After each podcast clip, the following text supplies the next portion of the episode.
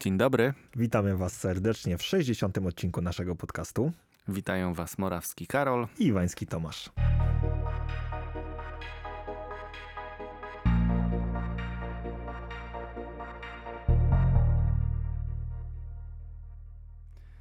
Dobrze, to co? 60, czyli kolejna dziesiątka przed nami. Miejmy nadzieję, że równie o ile nie bardziej interesująca niż każda poprzednia. Także tego i sobie, i Wam życzymy. I zaczynamy od. Od newsów. Od newsów, ja bym powiedział może od CES-u. Od kilku dni w Las Vegas trwa CES i słuchajcie, w zbiorze rzeczy, które było, były prezentowane razem z kolorowym BMW, które potrafi zmieniać kolory, jedna rzecz mnie zaintrygowała i która zrobiła na mnie największe wrażenie, a mianowicie maszyna do pomiaru właściwości moczu. Jakkolwiek źle to brzmi, ale Withings, francuska firma, która jest znana m.in. z ciśnieniomierzy, z termometrów czy zegarków, które mają EKG, pokazała urządzenie, które będzie można sobie przyczepić w muszli klozetowej. Tak, ja wiem jak to brzmi, naprawdę. Zdaję sobie sprawę, słuchajcie, jak to brzmi, ale dzięki temu możecie zrobić sobie podstawową diagnostykę swojego moczu. No i to jest wspaniała rzecz. Jakby ja, przepraszam, że troszeczkę się zaśmiałem, ale ujrzałem na ekranie Karola komputera właśnie mm, to urządzenie zamontowane w muszli klozetowej i no jakby uchylając wam rąbka tajemnicy wygląda to jak taki lekko większy odświeżacz po prostu, więc y, ale no zamieniam się w słuch, słucham dalej. Tak, słuchajcie, urządzenie niestety będzie drogie. Początkowo jest wycenione na 499,95 dolara i będzie używało kapsułek chemicznych, które będą się zużywały. Też te kapsułki będziemy musieli sobie dokupować. Jak twierdzi producent, będzie wprowadzone w Europie dwa rodzaje kapsułek będą. Będzie to NutriBalance i Cycle, Sync Free i ta druga kapsułka pokaże prognozy cyklu miesiączkowego i okno owulacji dla kobiet na podstawie wykrywania hormonów, ciężaru właściwego i poziomu pH moczu, a także oferuje ocenę bilansu wodnego i odczyt bilansu białkowo-warzywnego. Z kolei NutriBalance oferuje analizę ciężaru właściwego, pH, poziomu witaminy C i ciał ketonowych i jak tutaj jest napisane w artykule, także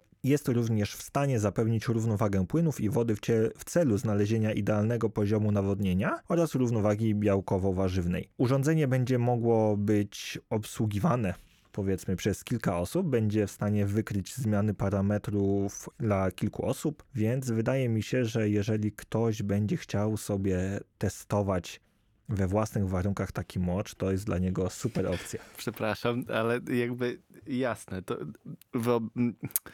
Dobra, nie chciałbym obrazować tego, o czym rozmawiamy, bo może to jest trochę zbyt daleko idące i dla niektórych okazać się niesmaczne. Niemniej jednak, co do samego pomysłu, genialnie, bo, bo to jest to, to, to co chyba właśnie jest trendem, czyli powoli wszelka diagnostyka taka podstawowa wchodzi nam do doma, w tym wypadku, mówiąc kolokwialnie, do kibla. I to jest piękne, że rzeczywiście będziemy mogli sobie robić taką podstawową diagnostykę. Ja czekam na wszelkie tego typu wynalazki i, i wcale nie będę się wstydził, jeżeli tylko w zasięgu cenowym będzie możliwe zainstalowanie sobie czegoś takiego w domu i najzwyczajniej w świecie wystarczy, że każdy z nas pójdzie do łazienki jak co dnia i przy okazji dowie się coś na temat swojego aktualnego stanu zdrowia. Trochę jakby idąc dalej, zastanawia mnie to, bo, bo jakby wydaje mi się, że nie do końca jest konieczność, no bo instalujesz to tak jak rozmawialiśmy i nie do końca chyba jest konieczność, żeby na przykład cztery razy dziennie to robić. Ok, parametr, o którym mówisz, czyli to prawidłowe nawodnienie w porządku, ale zakładam, że dojdziesz do, do pewnego poziomu, no i odkryjesz ten, ten prawidłowy poziom, no ale też wydaje mi się, że niecodziennie musisz sprawdzać sobie e, obecność ciał ketonowych, masę właściwą i tak dalej, i tak dalej, więc trochę tu się zastanawiam, jak to zrobić, no bo znowu odwołując się nieco do, do obrazowania tej technologii, no jakby zakładanie i demontowanie tego urządzenia w dni parzyste, a w nieparzyste, to też wydaje mi się mijać z celem, ale ciekawi mnie, jak będzie można to rozwiązać. Właśnie też mnie to zastanawia, bo producent na samych targach nic więcej nie ujawnił, więc zakładam, że dopiero jak to urządzenie pojawi się w obiegu, dostaniemy pełną instrukcję, co jaki czas można z niego korzystać, jak często wymieniać te wkłady i jak często jest potrzeba sprawdzania tych parametrów, bo tak jak mówisz, no nie ma sensu cztery razy dziennie sprawdzać sobie parametrów moczu. No Tym bardziej, właśnie. że te kapsułki też pewnie będą troszeczkę kosztować. No bez wątpienia. No dobrze, ale co do zasady kierunek,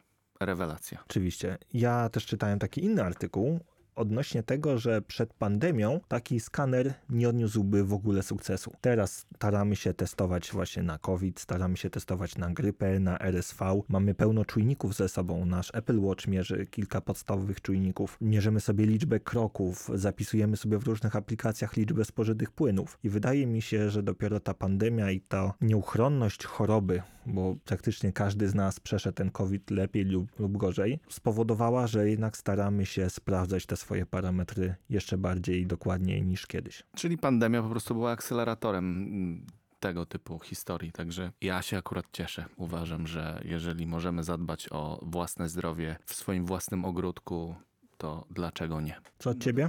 To ja mam dwa newsy zielone. Pierwszy to bodajże trzy odcinki temu, jak sprawdzałem, rozmawialiśmy o największej turbinie na świecie chińskiego producenta 16-megawatowej. Na dzień dzisiejszy już wiemy, że w parku technologicznym w Danii, w Jutlandii dokładnie zachodniej, został zainstalowany prototyp e, turbiny Vestasa 15-megawatowej i ona już zaczyna pracę, będzie testowana przez najbliższe miesiące. Mówię o tym e, z dwóch względów. No po pierwsze to jest już działająca największa turbina. Po drugie, jeżeli wszystko pójdzie zgodnie z planem, to właśnie tego rodzaju turbiny będą miały być wykorzystywane do budowy naszej polskiej farmy wiatrowej, która ma być zlokalizowana około 20 km na północ od Choczewa i budowana oczywiście między innymi przez Orlen. A do tego wszystkiego od niedawna wiadomo też, że Vestas prawdopodobnie, chociaż to już chyba nie jest prawdopodobna, a pewna informacja, wybuduje w Szczecinie fabrykę, gdzie będzie produkować komponenty do między innymi tych turbin, a mówimy głównie tutaj o gondolach. Także produkty, które mają stanąć na naszych morskich farmach wiatrowych zaczynają żyć. Ja mam nadzieję, że zaczną też funkcjonować na naszych farmach i cieszę się też, że w naszym kraju w końcu kluczowy producent turbin wiatrowych zdecydował się na inwestycje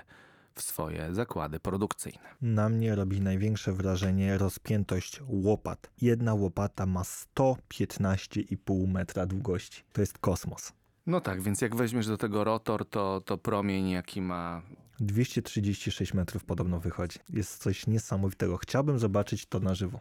Na mnie wrażenie już robią zestawienia tej turbiny przy dużych budowlach, które wszyscy kojarzymy. Mówię, nie wiem, o Pałacu Kultury, wieży Eiffla czy innych tego typu budynkach. To, to, to już samo w proporcjach 1 do 1 na zwykłym obrazku robi swoje, żeby sobie wyobrazić, jak to, jak to mogłoby wyglądać. W linku, który podlinkujemy, jest filmik, który pokazuje, jak wygląda transport takich dwóch łopat, jedna za drugą. Naprawdę mega sprawa. No, przedsięwzięcia logistyczne związane z przewiezieniem tak długiej konstrukcji y, jest naprawdę, uwierzcie mi, bardzo karkołomne, żeby odpowiednio zaplanować, gdzie promień skrętu wybrać, tak żeby można było bezpiecznie przewieźć tak olbrzymich gabarytów komponenty. Drugim moim newsem o trochę mniejszych y, gabarytach, y, jeżeli chodzi o, o samą wielkość, ale moim zdaniem Idea ma gabaryt też bardzo, bardzo duży i fajny. To są, moi drodzy, pompy ciepła do bloków, bo montowane na oknach.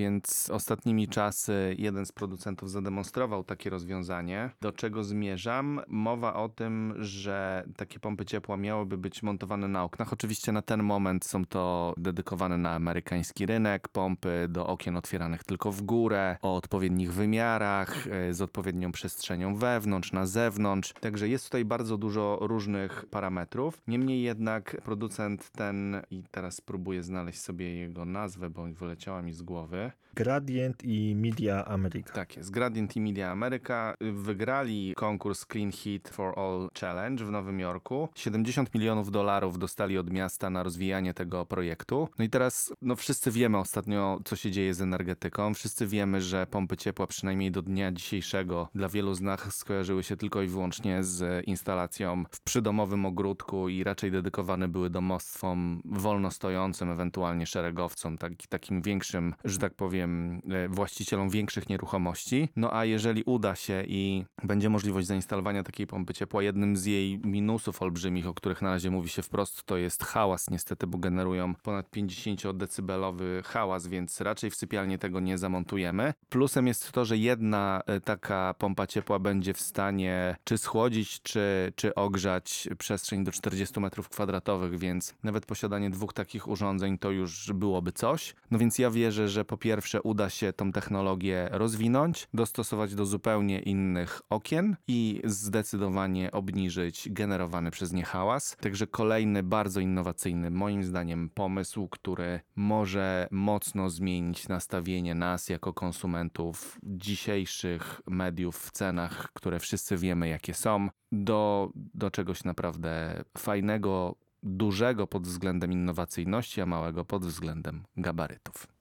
Fajne rozwiązanie. W naszej technologii budownictwa niemożliwe do zrealizowania, chyba trzeba by je montować już pod oknami, które są zamontowane, bądź tuż przed montażem okien, bo niestety u nas jest standard taki, że mamy grzejniczek zawsze pod oknem, żeby nie doprowadzać do wychłodzenia tego pomieszczenia, ale w warunkach amerykańskich jest to jak najbardziej super rozwiązanie. Tak, no więc tak jak wspominałem, ja mam nadzieję, że ta technologia się rozwinie i dostosuje się do, do no jakby budownictwa innego rodzaju, tak jak mówisz, na rynek europejski chociażby, ale warto, uważam, wspierać tego typu inicjatywy, chociażby wspominając o nich tak, jak to robimy teraz. Dokładnie. Słuchajcie, ode mnie dwa newsy Apple'owe. Jeden odnośnie kary, jakie Apple dostał we Francji po przegranym sporze o spersonalizowane reklamy w App Store, które pojawiły się wraz z iOS 14. Otóż francuska Narodowa Komisja do Spraw Informatyki i Wolności po przeprowadzeniu dochodzenia stwierdziła, że Apple działa wbrew użytkownikom i ich bezpieczeństwu, prywatności,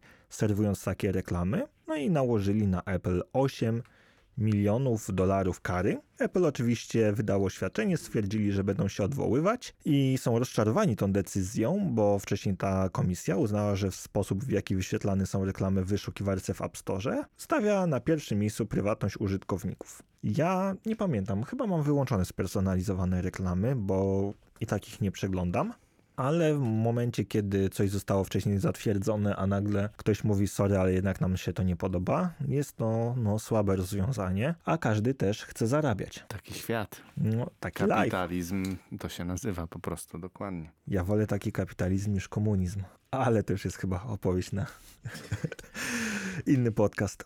Drugi temat jest nostalgiczny, który totalnie mnie nie dotyczył jeszcze kilka lat temu. Mianowicie dzisiaj, jak to nagrywamy, czyli w środę 11 stycznia, środa dzisiaj? Środa, dobrze. To 9 stycznia minęło 16 lat od zaprezentowania pierwszego iPhone'a. Czy Tomasz, ty oglądałeś kiedykolwiek tą prezentację? Nie, nie oglądałem tej prezentacji z 2007 roku.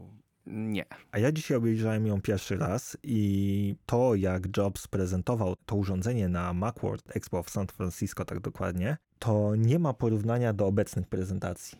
Nie mówię tutaj, że rozrosła się warstwa wizualna, że mamy świetnie zrealizowane wideo, ale chodzi o tą integrację z publicznością.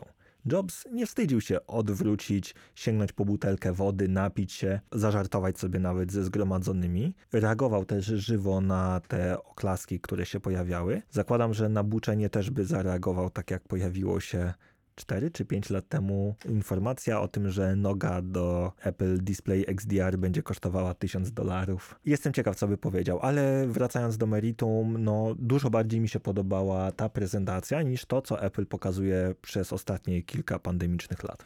No chyba w ogóle Jobs był po prostu mówcą z krwi i kości, chociaż nigdy tego nie okazywał i, i wydaje mi się, że to też rzeczywiście robiło robotę, ale to co? Praca domowa dla mnie i dla wszystkich zainteresowanych. Na pewno umieścimy link, gdzie znajdziecie odnośnik też do, do, do nie wiem, to jest skrót, czy to jest pełna Skrót. prezentacja? To jest skrót tylko iPhone'a.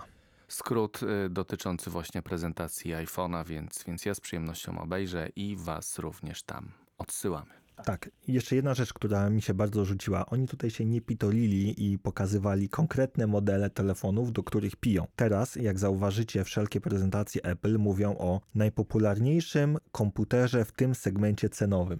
Nie mamy podanej konfiguracji, nie wiemy do czego się odnoszą, a tutaj boom, nie podoba nam się Nokia i62 i co nam zrobić? To też jest trochę ciekawe, czemu nie można nazywać rzeczy po imieniu, ale zakładam, że pewnie za chwilę by to wywołało znowu jakąś falę najzwyczajniej w świecie procesów sądowych, na które chyba nie wszyscy mają po prostu ochotę, bo też to trochę jest sztuka dla sztuki. To jeszcze rzeczy, której nie ma w newsach. Kilka dni temu właśnie na CESie AMD pokazywało nowe komputery serii Ryzen, czy tylko o nich nawet mówiło, że nowe ich laptopy będą wytrzymywały 30 godzin, że M1 to w ogóle jest nic w porównaniu. No tylko, że parę osób zrobiło zdjęcia z zakulis i okazało się, że cała prezentacja była napędzana z MacBooka Pro 16 z M1. No, no właśnie. To ja nie wiem, co powiedzieć w takim momencie, bo to, bo to są takie. Nie wiem. Nie wiem, po prostu trzeba uprawiać dogfooding, no tak czy inaczej wykorzystujesz sprzęt, który reklamujesz. No zdecydowanie. No i ja mam tylko polecajkę jedną na koniec. Ja dzisiaj nie mam polecajki, więc słuchajmy. Słuchajcie, Tomasz też słuchaj. Słucham. To jest film, Film. który jest doświadczeniem. Najlepszy, znaczy zastanawiałem się długi czas, jak wam opowiedzieć o tym filmie, bo to jest pierwszy film od dłuższego czasu, który zmusił mnie naprawdę do myślenia po zakończeniu seansu. Bo najlepsze określenie, jakie słyszałem w jednym z podcastów tego filmu, to jest wygląda to tak, jakby kosmici przylecieli na Ziemię, obejrzeli nasze wszystkie filmy i stwierdzili, nakręcimy sami film. Ale nie wiemy o co chodzi w filmach. Film jest po prostu doświadczeniem. Mówię oczywiście o Everything, Everywhere, All at Once. Film jest podzielony na trzy sekcje.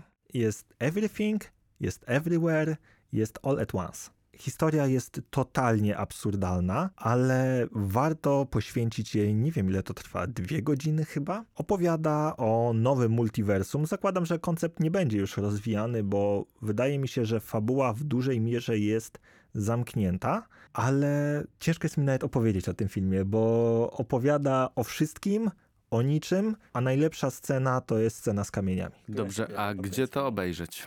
Na Prime. Na Video Prime można obejrzeć, jest dostępne.